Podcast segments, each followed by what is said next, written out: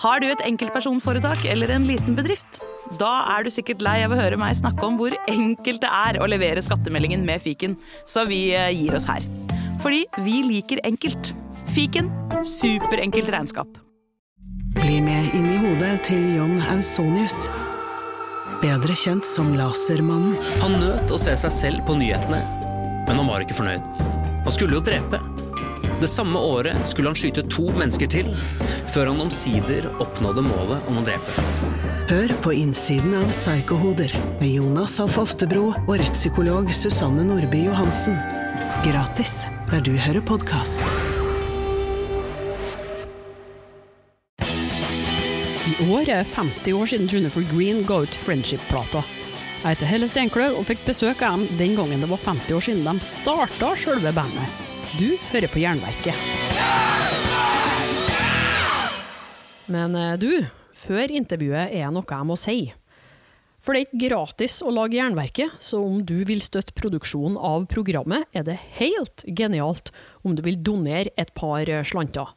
Det går an å trekke et fast beløp hver måned via patrion.com jernverket, eller gi en enkeltsum via VIPS nummer 567438.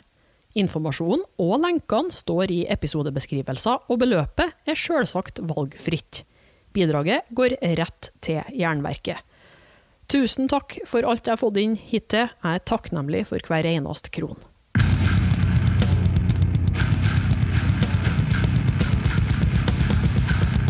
Karrieren deres starta på midten av 60-tallet.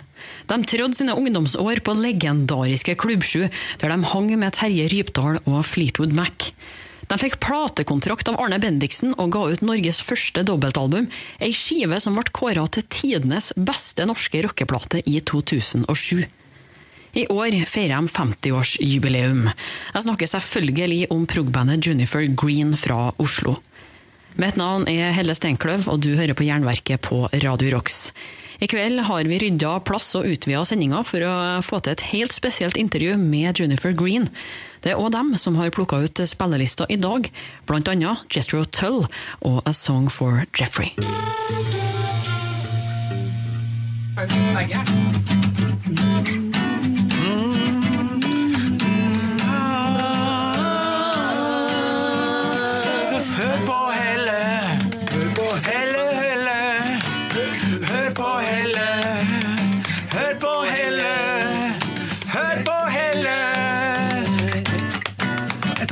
Det her er Junifus som snakker til dere.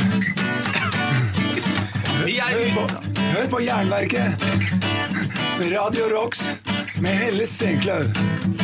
Hør på Helle, hør på Helle. Hør på Helle i Jernverket.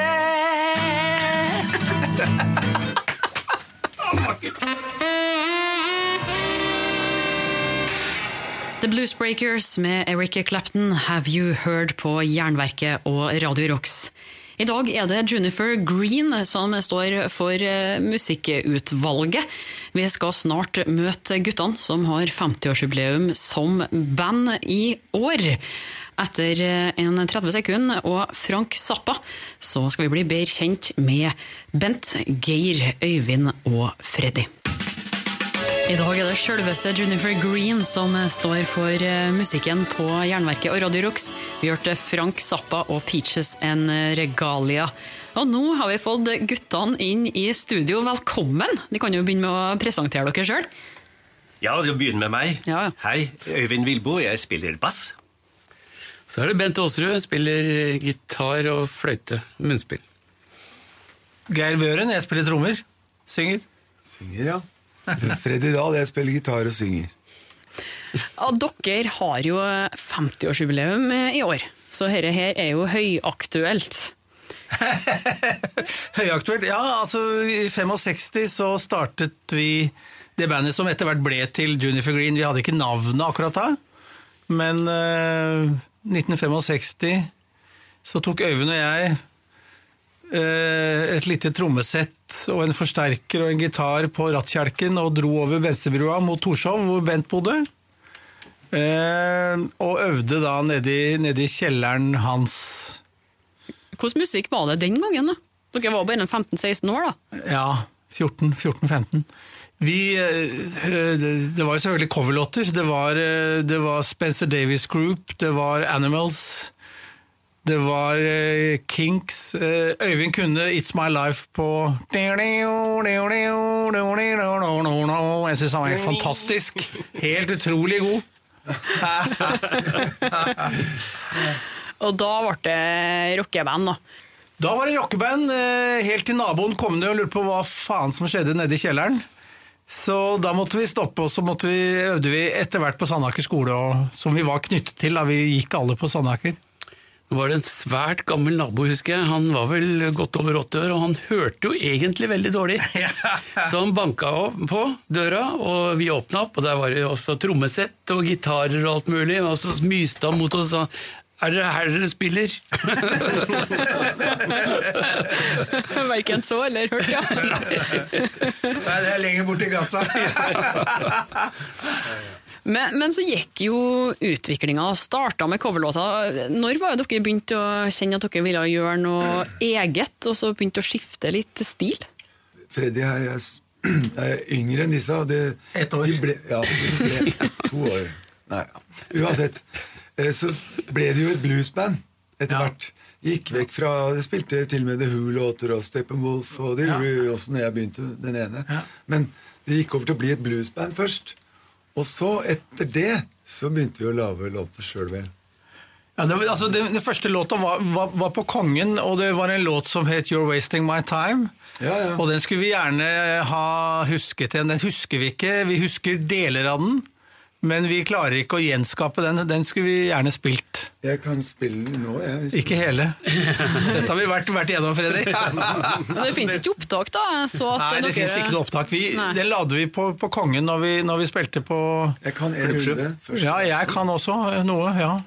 Kanskje hvis dere bare samler del etter del, og så Ja, Jeg har jo prøvd det, men eh, den er nok godt. Det er flere andre som også har blitt borte. Vi var dårlige til å ta opp uh, ting. Du vet, Dette her var jo i spolebåndopptakerens tid. Uh, så det, så det, det, det var liksom litt rigging og litt mye styr og sånn, så det, det blei det ble ikke gjort. Nei, Opptak var jo stort sett bare når man spilte inn plate. Ja. Ellers så spilte man bare live. ikke sant? ja. Men det var noen karer på, ute på Kongen som, som var og tok opp noe. ja. Det var det, men vi er ikke riktig Dag? Ja, Han, ja. Men, eh, men i hvert fall, noe har blitt borte, eh, men mye er dokumentert da, ikke sant, gjennom friendship og alt det rundt det. Men eh, når begynte dere å få lyst til å lage eget materiale? Men så, jeg jeg vet ikke akkurat uh, hvorfor man begynner å lage ting. Man uh, har etter hvert uh, liksom gjort såpass mye cover, og så, og så begynner man å jamme litt og så sette sammen ting, og så, oi, og så finner man på at oi, det var litt ålreit, og så, så, så kommer det bare fram, eh, tror jeg. Ja, det begynte med, litt med at vi spilte ting annerledes. For Summertime så lagde vi sånn eget arrangement av Summertime, den klassiske Mm. Porgy and Bess uh, Summertime. Og, og det var vel da vi, i hvert fall jeg kjente og lukta på at herregud, vi kan jo lage noe sjøl. ja. At det var liksom veien inn der. Men så er det jo helt klart at uten at vi hadde Hvis ikke vi hadde begynt å lage ting sjøl, så hadde det jo selvfølgelig aldri blitt noe album. da hadde det jo nok stoppa før der. Ja, og da hadde vi vært nok eh, et sånt band som eh, hadde blitt glemt.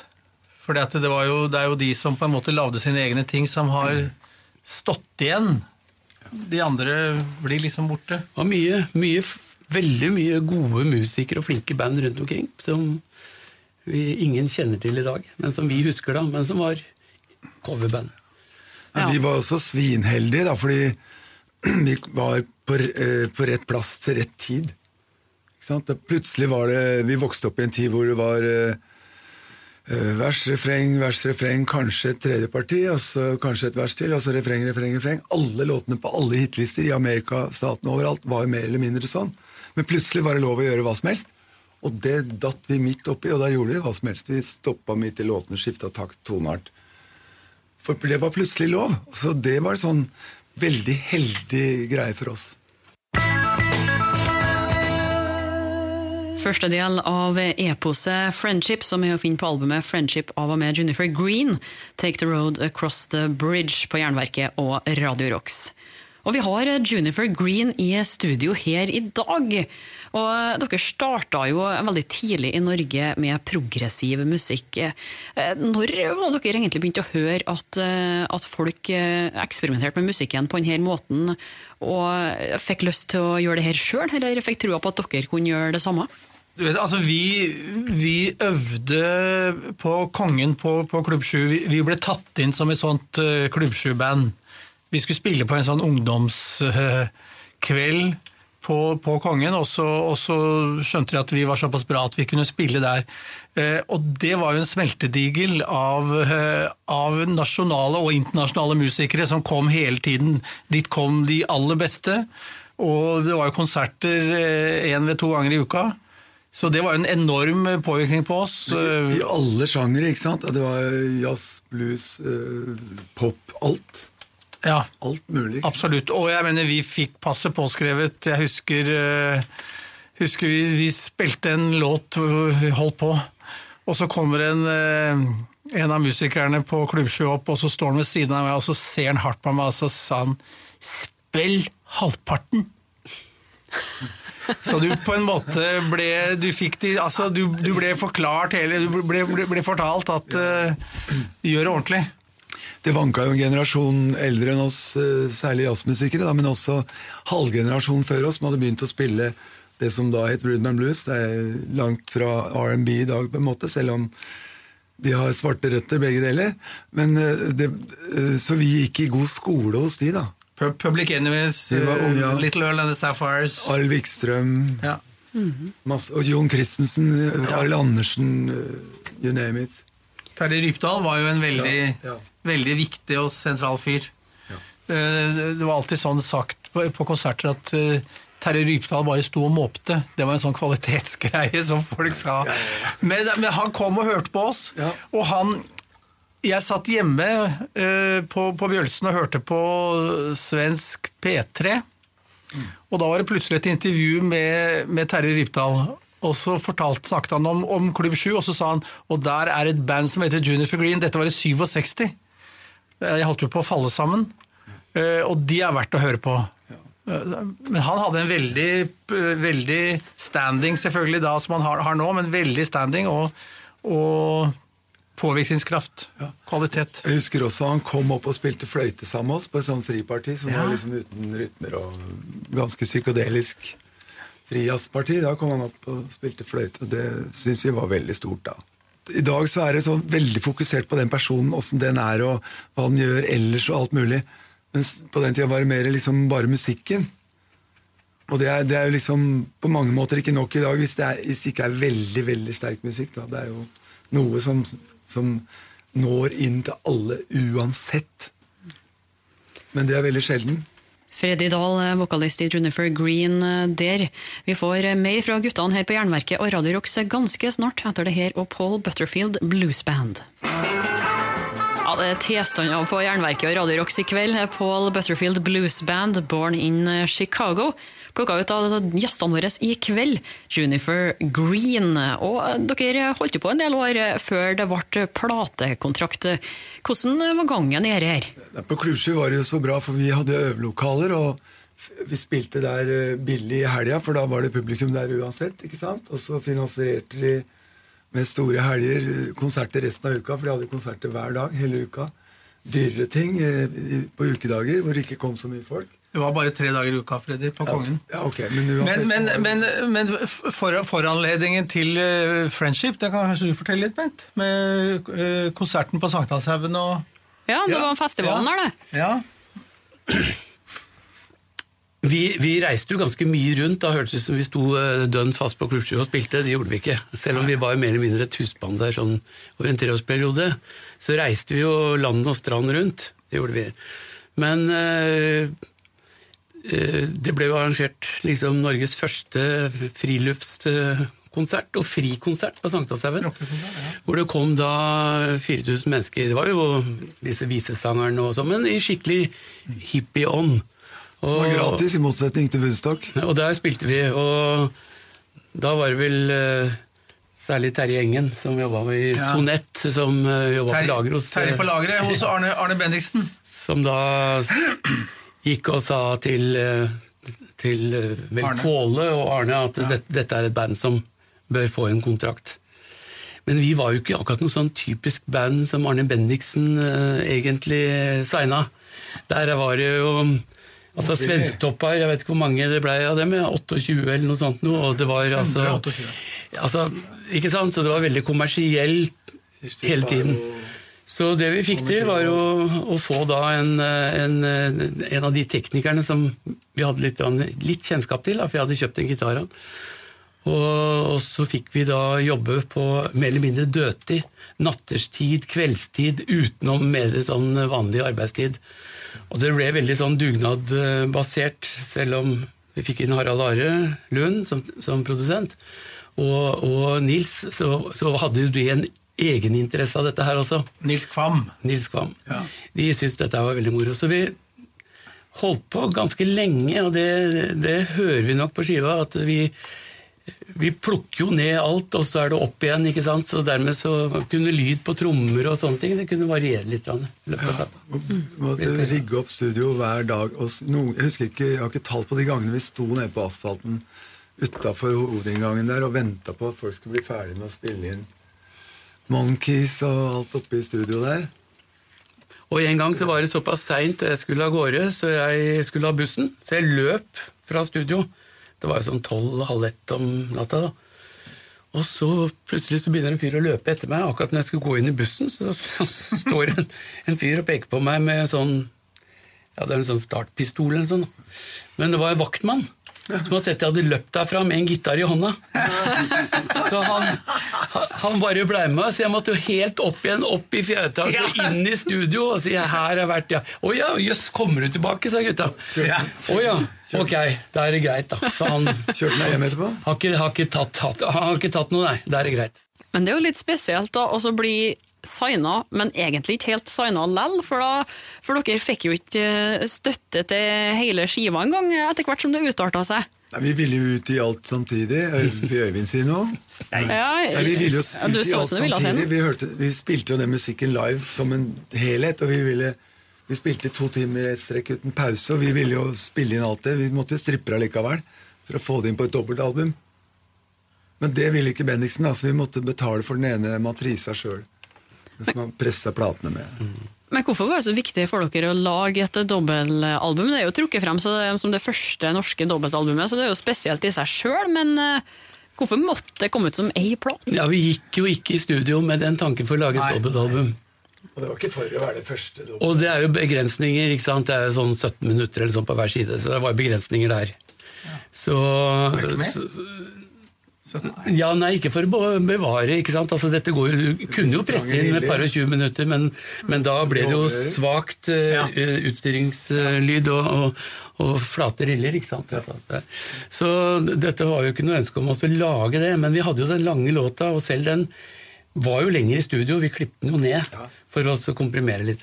Så det ble bare et uh, dobbeltalbum altså, til slutt. Ja. Det var jo art by accident. Ja, Apropos eh, kunst, dere fikk med en Odd Nerdrum der oppe, coverbildet, men jeg hørte at en Nerdrum sjøl var så misfornøyd med at han har bare ødelagt bildet etterpå. Ja, det kan Nei, det, det, er ikke, det, er ikke, det er ikke helt riktig. Eh, men altså, bildet har han ødelagt, men det er fordi at han lenge etterpå fant ut det at eh, jeg har nå gått en annen vei og er på et annet sted, og vil ikke ha disse bildene et, etter meg. Jeg, jeg, jeg vil ikke at de skal For at vi, hadde jo, vi hadde jo kjøpt det, hadde vi hatt, hatt en mulighet. Det er akkurat som vi slutter å spille en låt. Han, kutt, han ødela de bildene den, hele den perioden. Det var ikke bare vårt bilde. Nei da. Det var den perioden Neida. han ikke ville stå for. Og det er hans verk, så det må han gjøre som han vil med. Men, men, men det er jo også en, en eh, myte om at han lagde vårt cover. Det er jo heller ikke riktig. Men han Vi var eh, og så i en container nede på rådhuset eh, gjennom hans bilder som vi hadde fått, fått lov til, fordi Harald Are sa det er et bilde som jeg tror kan passe som, som coveret. Eh, og vi var der og, og valgte, valgte da det, det bildet ut. Ehm, og så betalte da Arne Bendiksen 250 kroner til Odd, Odd Nerdrum for at de kunne bruke det så lenge som helst. Ikke sant? Så det er, det er jo ganske latterlig. Men det var sjenerøst av, av, av Odd Nærum, og vi er veldig glad for det, for vi har fått veldig mye igjen for det. Og en viktig ting er at på den tida så var ikke Odd Nerdrum så kjent og berømt som han er nå.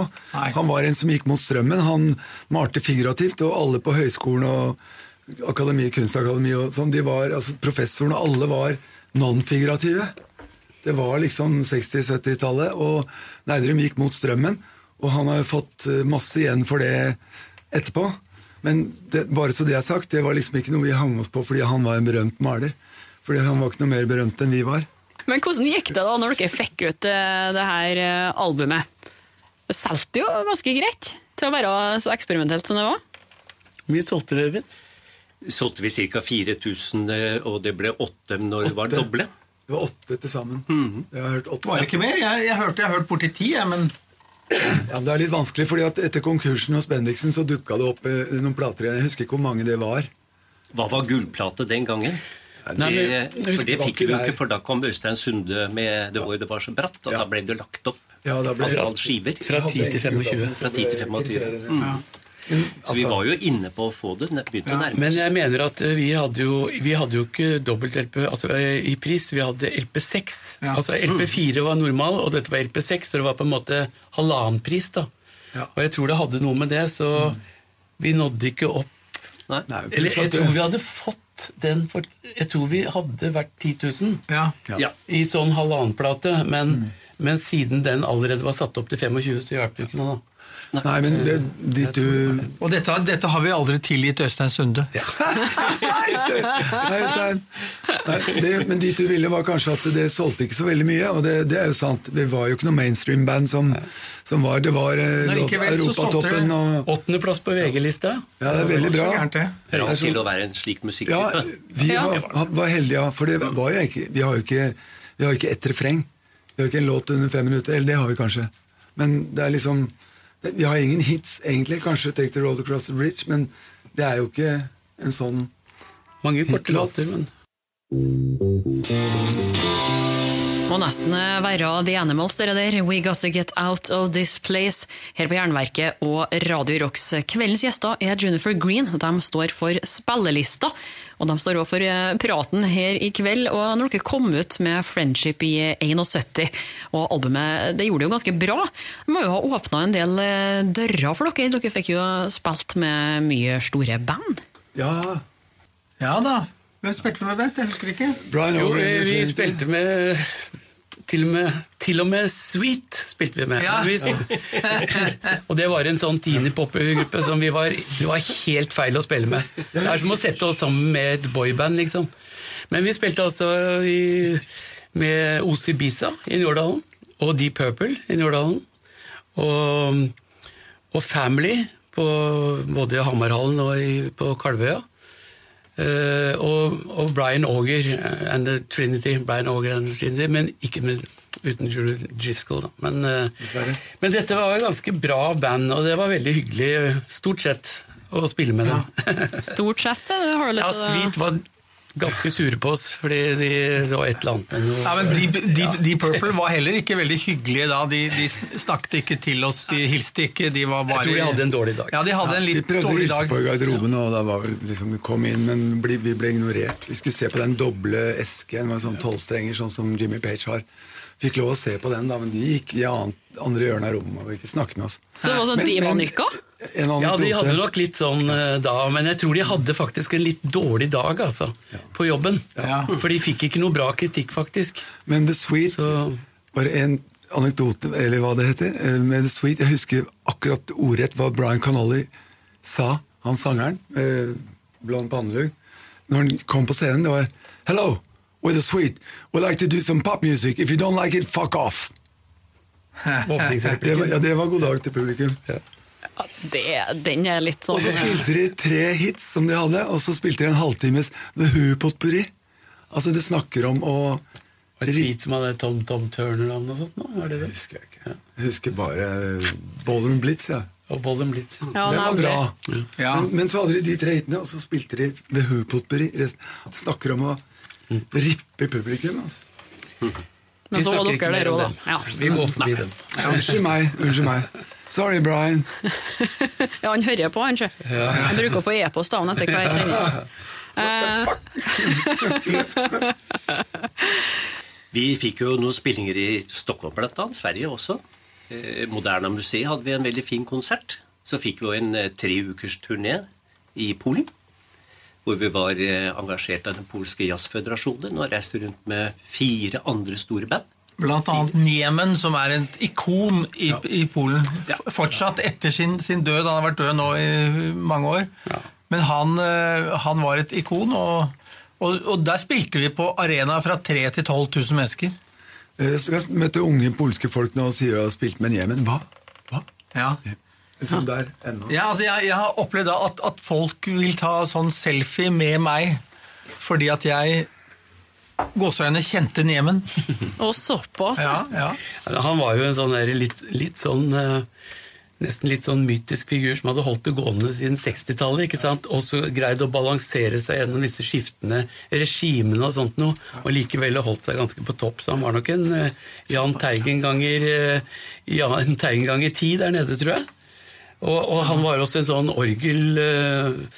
eh, fantast som, som gjorde soloalbum med, med Hammond-orgel og sånne ting. Og så hadde han sånn sort, sånn glatt hår som lå oppå skuldrene. Så snudde han seg alltid med hele ryggen for at han ikke skulle ødelegge den sveisen. Så gutta i bandet de kalte han Svanen sånn bak ryggen. Han var veldig flink. Han var veldig flink. Han Ja, spilte han jo var veldig flink og hadde en bra stemme og sånn. Så det, han var en bra fyr. Han døde i 2007, tror jeg. Men hvordan ble dere tatt imot i Polen, da? Fantastisk. Kjempefantastisk. Og vi hadde, altså Den siste konserten vi spilte, det, da, det spilte vi i Kulturpalasset i Warszawa, som altså, russ, nei, so, sovjeterne ga til Polen etter krigen. Eh, Det var ikke noe polakker var veldig stolte av, generelt, men det var et fantastisk hus i marmor og innvendig fløyel. Eh, Og, og vi spilte da i den store salen, og det var vår siste dag, og vi hadde jo tjent pengene våre i, i Slotty. Og det kunne du bruke der, men du kunne ikke ta dem ut, for det var ikke verdt noen verdens ting. Du fikk ikke ta dem ut. Nei, du fikk ikke ta dem heller. Så rett og slett det som skjedde, var at vi, mm, vi kjøpte inn eh, mengder av eh, avskårne blomster.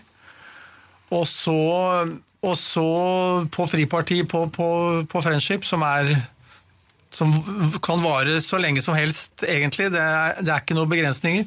Så, så gikk vi fram på scenen, og så kasta vi blomster ut i salen. Og da kom liksom sånne KGB-aktige typer inn på, på siden, og de var helt, helt der. Da kasta vi da, og så øh, ropte vi 'friendship' og sånn, og så, og så spilte vi, og da var jo Altså, den salen var jo i ekstase, så det var utrolig bra. Det hadde jo en, hadde jo en bakgrunnshistorie, da, fordi vi hvelva litt orgel og svingte med gitarer og sånne ting. Og så sa de bare det at eh, gjør dere det på neste konserten, Ja. så kutter vi strømmen. Ja, det sa de. Og dere Så da bare stopper vi konserten. Skulle signe Og det kontrakt på det. Ja, jo, måtte skrive kontrakt på det. Ikke rista i orgelet og gjorde samme gitarene. Så derfor så gjorde vi da dette her. Og kjøpte blomster isteden. Har du et enkeltpersonforetak eller en liten bedrift? Da er du sikkert lei av å høre meg snakke om hvor enkelt det er å sende faktura med fiken. Så vi gir oss her, fordi vi liker enkelt. Fiken superenkelt regnskap. Prøv gratis på fiken.no. Å drive en bedrift uten regnskapsprogrammet TrippelTex er litt som å piske krem uten miksmaster. Det går jo, men det bare tar masse unødvendig tid.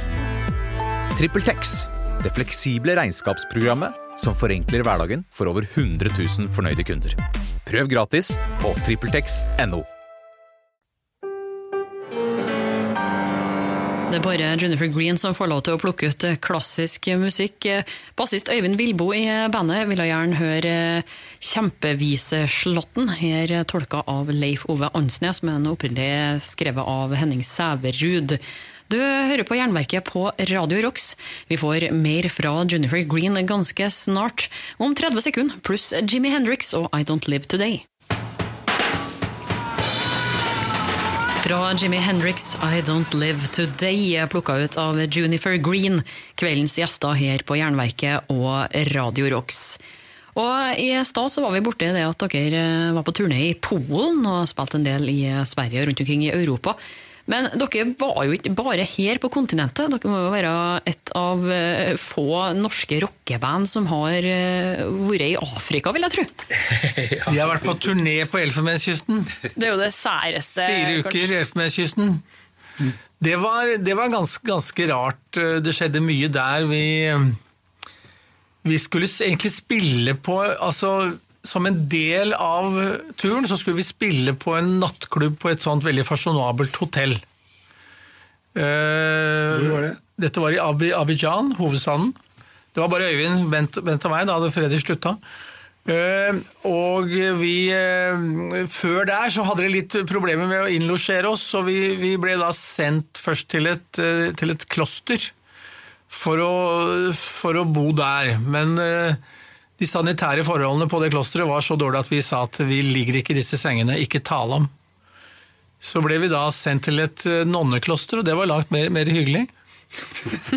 Så der satt nonnene og sang gregorianske sanger, og, og, og vi husker vi kom, vi, vi, vi, vi fikk da mat. Og så, dette var franske nonner, så som en selvfølge så satt de rødvin på, på bordet. Ikke enkle flasker, men magnumflasker. Så mm, når vi hadde drukket opp de, så sa vi at vi var mer tørste, og da kom de med flere flasker. Så sånn var det.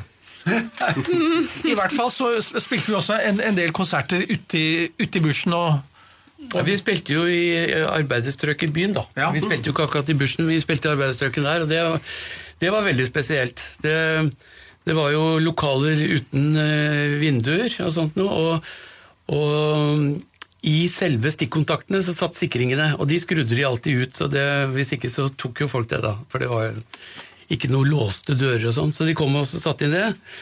Og jeg husker at de Altså så mye støt som jeg fikk gjennom mikrofon og gjennom det. ikke sant? Det var, altså, det var livsfarlig egentlig å spille der, men, eh, men vi gjorde det da. Og så var vi på dette svære hotellet, der var det altså 800 ansatte. Og de hadde jo til og med innendørs isbane, kinoer, svære Altså det var et kjempesvært hotell. I 74. Så der hadde det var en eh, liten nattklubb som vi også spilte på. Men så var vi på TV. Massevis, holdt jeg på å si. Ja, vi, vi, gang på gang. vi lagde fem-seks forskjellige TV-show, og de hadde gått om igjen og om igjen og om igjen der nede, for det var ikke noe økonomi til å lage så mye, og vi var vestlig band, så det var veldig stas. Hver gang strømmen gikk, hørte vi etterpå, så, så satte Ja. de på oss i flere år etterpå. Ja. Så det var mye rart. Så Elfenbenskysten så var ikke ganske stor, egentlig. Ja, det, men vel, vi var muligens det, men Jo, da vi, eh, mange år etterpå, Jeg har en god venninne. Hun var eh, datter av en ambassadør etter vi hadde vært der. Ja. Og Hun kom dit mange år etterpå, og når de, hun fortalte at hun var norsk Oi, vi har hatt besøk av noen norske her. Og de husket oss, og de spilte også.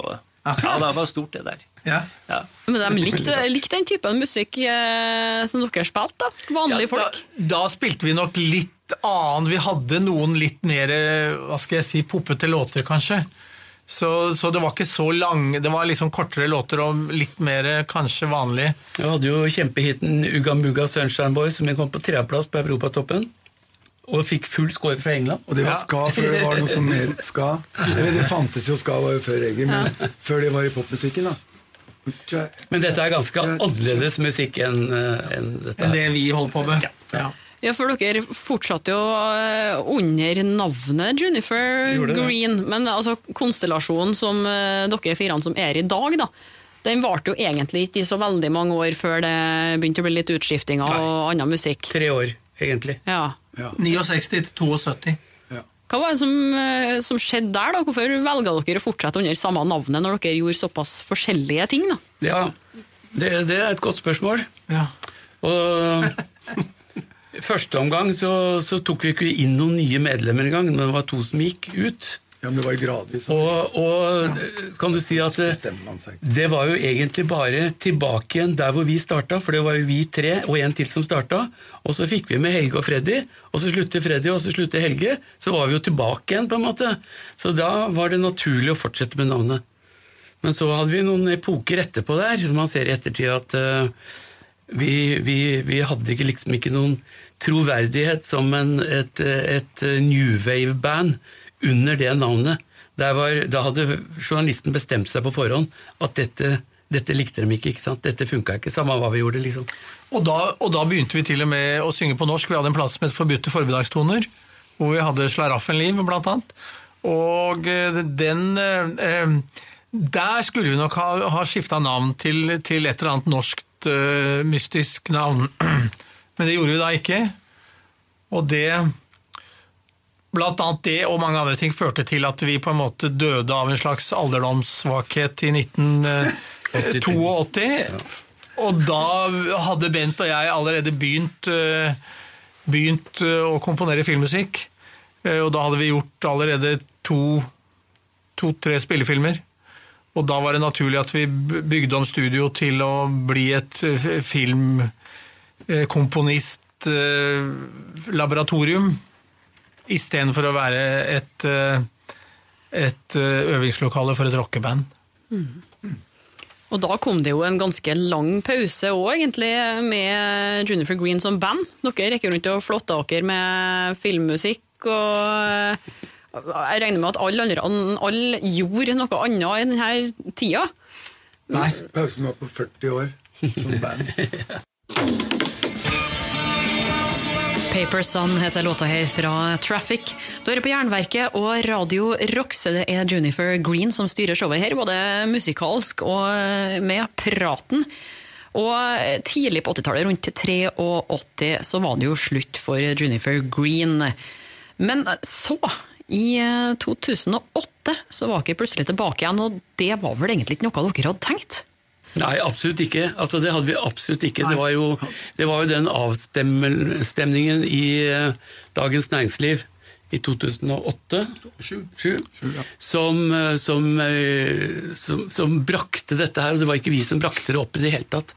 Og vi, vi holdt faktisk veldig igjen. Så de som da pusha på dette, sa til slutt altså hva er det for noe med dere? Et hvilket som helst annet band ville jo bare juble og fått liksom litt støtte og push og blitt bedt om å starte igjen. Men eh, vi var kommet liksom såpass eh, fjernt fra dette at vi tenkte vel at eh, nei, la nå folk prøve å huske hvor bra det var. La oss ikke gå ut og liksom motbevise det. Altså, la oss uh, heller Og dess lenger man er unna det, dess, dess bedre hadde vi følelsen at folk syns dette her var, uten at vi egentlig trodde på det. Men vi tok faktisk feil. fordi at uh, i dag spiller vi nok bedre enn vi har gjort noen, noen gang. Og, og, med dagens lyd og med, med, den musikalske bevisstheten vi alle har nå, så låter nok Junifer Green, langt bedre enn vi har gjort noen, noen gang. Men altså, hvis det ikke var den Dagens Næringsliv-kåringa som fikk dere sammen igjen, hva var det som gjorde at dere ga etter til slutt? da?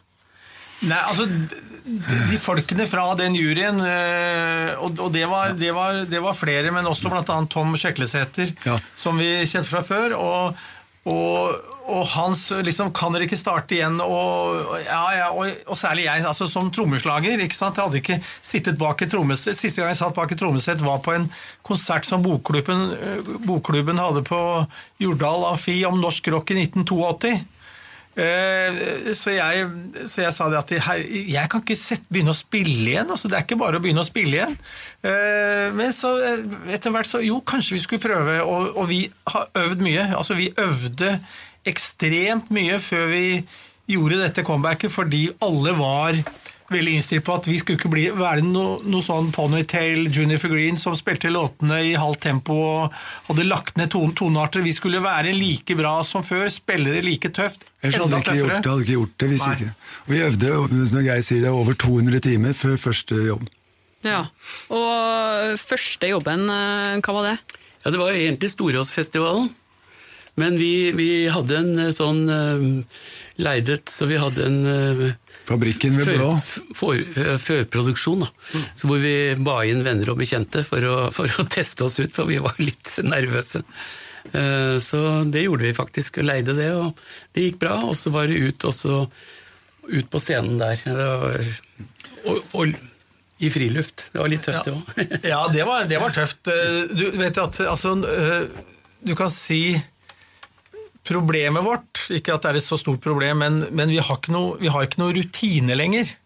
Og særlig Bent Øyvind og og Freddy spiller jo i, i forskjellige band og har, og har rutine mens vi har jo ikke stått på scenen og, og, og spilt rockemusikk. Har vi stått på scenen, så har vi snakket om filmmusikk eller Ikke sant? Så, så dette Det er lett å bli litt stressa og? Det er mye adrenalin, og det er mye som skal klaffe. Men det har stort sett gått. Ja, det der med å komme nummer én på den lista, det, det hører jo litt historie med det. Med at han eh, Torstein, som driver musikksiden i Dagens Næringsliv, han starta på det var vel på nettet, sånn greie med 100 best albums ever, uansett sjanger, i Norge. Og så kom det noen forslag, og så var det folk som blanda seg, musikkjournalister og alt mulig. Nei, nei, ikke sånn, ikke sånn. Så istedenfor å begynne å krangle med de på nettet, så inviterte han de. Sånn at det satt en del folk i et års tid og utarbeida den lista. Og jeg mener, jeg er i hvert fall ikke personlig, kan vel snakke på vegne av gruppa og så opptatt av å liksom være på førsteplass. Det er ikke derfor vi starta å spille, men, men, men vi havna på førsteplass, liksom. Vi hadde litt Og det er mange forskjellige folk, det er ikke, og det er ikke folk som i utgangspunktet var pro oss, som har vært med og valgt det albumet. Men altså vi, på et eller annet sted så setter vi jo jævlig pris på det, da. Og det har selvfølgelig initiation for oss å begynne å spille igjen. Egentlig det som starta spørsmålet. Så nå er vi her. Det er ikke noen eh, andre enn Jennifer Green som får lov til å velge ut hvem Them og Gloria på Jernverket og Radio Rocks.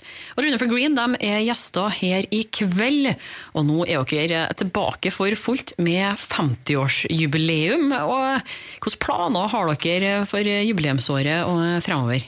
Vi har så smått begynt å tenke på at vi kanskje skal kontakte litt progrock-festivaler i ut utlandet.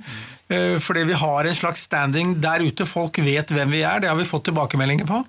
De kjenner til Friendship. Den, den, eh, den er kjent innenfor nerdemiljøet da, av eh, progrock. Bootleg. Og, det, og, og den er gitt ut som bootleg i Italia, og, blant annet. Og Den har aldri vært eksportert fra Norge, den har bare vært solgt i Norge. ja. Nei, for der dreit dere dere ut. Ikke vi. Ja, nei, det var i og for, seg ikke, ikke oss, men det er klart Mange rundt oss i den tiden klarte å få en liten karriere i utlandet, og vi kunne fått det. Men, eh, og det var jo den historien med Arne Bendiksen, hvor, eh, hvor han vi jobbet eh, tettest med. Eh, han hadde sendt ut noen for- forespørsler til Island og til Transatlantic. Så fikk vi et positivt svar fra Transatlantic om å komme til England og promotere skiva og reise rundt. Og så sier da han vedkommende at eh, men gutter, det skal vi ikke si ja til, vi skal vente til vi får ja fra Island. For, det, for Island var det tøffeste selskapet, på en måte. Eh, Så vi, vi sa da nei, og så kom Island, og så sa de dessverre, men nei. Så du kan snakke om å sitte med skjegg i postkassa. Samme skjedde jo med Populace, eller ja. Det er en annen story. ja men det samme ja. plateselskaper. De venta Det, det skjer, men uh, vi varma opp, eller vi var supportband for uh, uh, i Sarpsborg. Deep, Deep Purple. For Deep Purple. Igjen. Jo, en gang til, ja. I Ja, 2009. I 2009. Så det var jo ganske morsomt. Ja, det var morsomt. Det var bare tre igjen av dem, men eh, de var der. Var de triveligere da, eller? Ja, Ja, veldig. ja. Særlig bassisten, han var veldig Men så kom de og sa hvorfor kom du ikke bort til oss og sånn, så det gjorde jo ikke vi da. Men da var de veldig hyppe at vi skulle ha kommet og blanda oss med dem, men eh, Ja. det gjorde vi ikke. Blitt norgesvenner, de og nå, vet du, så de kan ikke være så høye på pæra lenger. Nei. Nei, men, nei, men det, er, det er ikke snakk om høy på pæra, det er ungdomsløsing. De var unge, de hadde nettopp breaka med Deep Purple in Rock. De, de var, var på en flow, de hadde ikke De tid til å bry seg med supportband. Altså, jeg ser det fra deres side òg. De var på en high, og det var ikke plass til noen andre. Sånn er vi mennesker, særlig når vi er unge og uerfarne. Men jeg tror fremdeles de, de hadde en liten sånn krangel gående, og at de hadde en dårlig dag. Ja, I hvert fall Richie Blackmore. Ja, det var det Ja, som skjedde, så da ville de ikke ha oss blanda inn. Sånt kan skje, Ja, altså. Ja, ja. kan skje. Men det skjer ikke oss, selvfølgelig. Nei, aldri skjedd. Altså jeg skal si det, når vi kom sammen i en, i en bandkonstellasjon, så hadde vi noen ut utblåsninger. Det lå noe gammel dritt i, i krokene som måtte luftes ut. Som, eh, så, så det, men nå har vi lufta det ut, og det er på en måte greit. Men, eh, men det var ikke bare å, å komme igjen. Det var eh, Vi hadde noen runder, for å si det Det sånn. er mer komplisert enn et ekteskap. Ekteskap er tross alt som regel bare to. Ja. Når man er så mye sammen som vi var den tida, vi øvde jo fra ti til fire hver dag. Bortsett fra de dagene vi hadde spillejobber i, altså i mange år. Så Vanskelig. vi Ekteskap er det når vi går fra to til tre. Gikk ikke på jobb engang. Kom hjem om ettermiddagen, vi var sammen hele tiden. Ja. Så det er klart det. Det er naturlig. Men dere har ikke planer om noe nytt album, da? Det er jo Det er nok mange vanskeligheter rundt det òg, tror jeg. Det er, det, er, det, er, det er mange ting som skal klaffe. At vi skal være Altså, vi, har- vi, har, jo, vi har jo levd et helt liv i, i mellomtiden. Og vi, altså det å få til det hvor vi på en måte går i samme retning og sånn, det er ikke sikkert at det er så lett, men eh, man skal aldri si aldri. Det, det er ikke noe mulig. Vi er relativt Altså, vi komponerer alle sammen, så det er ikke noe problemer det, men, eh, men eh, det er det å, å få det til. Å komme hele ut på den andre sida. Ja, altså som, som Unifor Green, fordi Ja. uten å være sånn halleluja med, med Friendship-albumet, så er det sånn altså, Hvordan topper du den, liksom? Hvis, hvis, hvis folk da som publikum som vi henvender oss til, sitter med det inntrykket av det albumet, så vil det helt bli sammenligna med det. Og det er ikke noe jeg er redd for, men jeg vil gjerne spille mer musikk, men, men liksom det, det bordet fanger på en måte. Det er veldig vanskelig å gå på og skulle liksom toppe den, for å si det sånn. da. Det er rette Fleetwood Mac-tida er her. Oh Well på Jernverket og Radio Rocks. Vi har Junifer Green i studio. Og mange av oss eh, som eh, vokser opp i dag, er jo litt sjalu for at dere var der når det skjedde. Dere var der på de første festivalene, og når det virkelig begynte å spire og gro i eh, rocken. Og det må da ha blitt noen historier opp gjennom årene. Er det, er det noe spesielt dere kunne tenkt dere å delt med oss? Jeg kan i hvert fall si én ting. Vi spilte på Rondo. Det var vel i 68, 7-68. Ja, før, før fredag begynte. Så kommer Fleetwood Mac mens vi spiller der, og det var Fleetwood Mac med Peter Green og Danny Kervin og Jeremy Spencer og Mick Fleetwood på, på trommer, ikke sant? og John McWee på bass. Og kona hans, Kristin McQuee, som senere var med i Fleetwood Mac, hun, øh, hun gikk gravid rundt med en, med en flaske hvitvin, tror det var jutommer eller fett i aska eller noe søtt skvip. Gravid og drita full, og uten, uten sko. Og Barbent. og da heter hun Christine Perfect. Ja. Yeah. Eh, Og på Rondo som avholdsrestaurant. og, og, og Rondo var en av, avholdsrestaurant, men altså dette var store stjerner. Og uh, Peter Green de, de kom dit sammen med, med, med Terje Rypdal. Og så står Peter Green sammen med Terje, og så sier han det låter bra. Han, han kjente jo låtene, for det, dette var liksom øh, coverlåter fra han, men vi, Blues, men, blues, blues. Blues øh, øh, Bra band, men øh, hvilket språk synger de på, sa han da. men, og så kommer de, kommer de bort og så spør de oss om de kan få lov til å spille i pausen, ikke sant? eller ta en, ta en låt. Og det er klart, det var stort. For vi var veldig fan, og det var kjempestort. Eh, De spilte Dust My Blues eller Broom eller hva de kalte den, og de spilte mye annet, og det var, det var ganske Jeg tror ikke folk i salen alle skjønte hvor stort det var, men vi skjønte det. Vi utvikla oss veldig parallelt med Fleetwood Mac i forhold til å gå fra bluesband til, til uh, å lage låter sjøl og bli progband. Det var på en måte ubevisst, men det var veldig parallelt. Ja. Veldig overraskende alle de rare singlene kom fra Fleetwood Mac som ikke var blues. Oh Well, Man of the World, Albatross, alt det der. Så vi, det Nå husker jeg ikke, husker jeg ikke hvem av dem som, som, jeg, som lånte gitaren min. Jeg husker ikke, det var liksom Det blei bare borte, for man blei litt starstruck.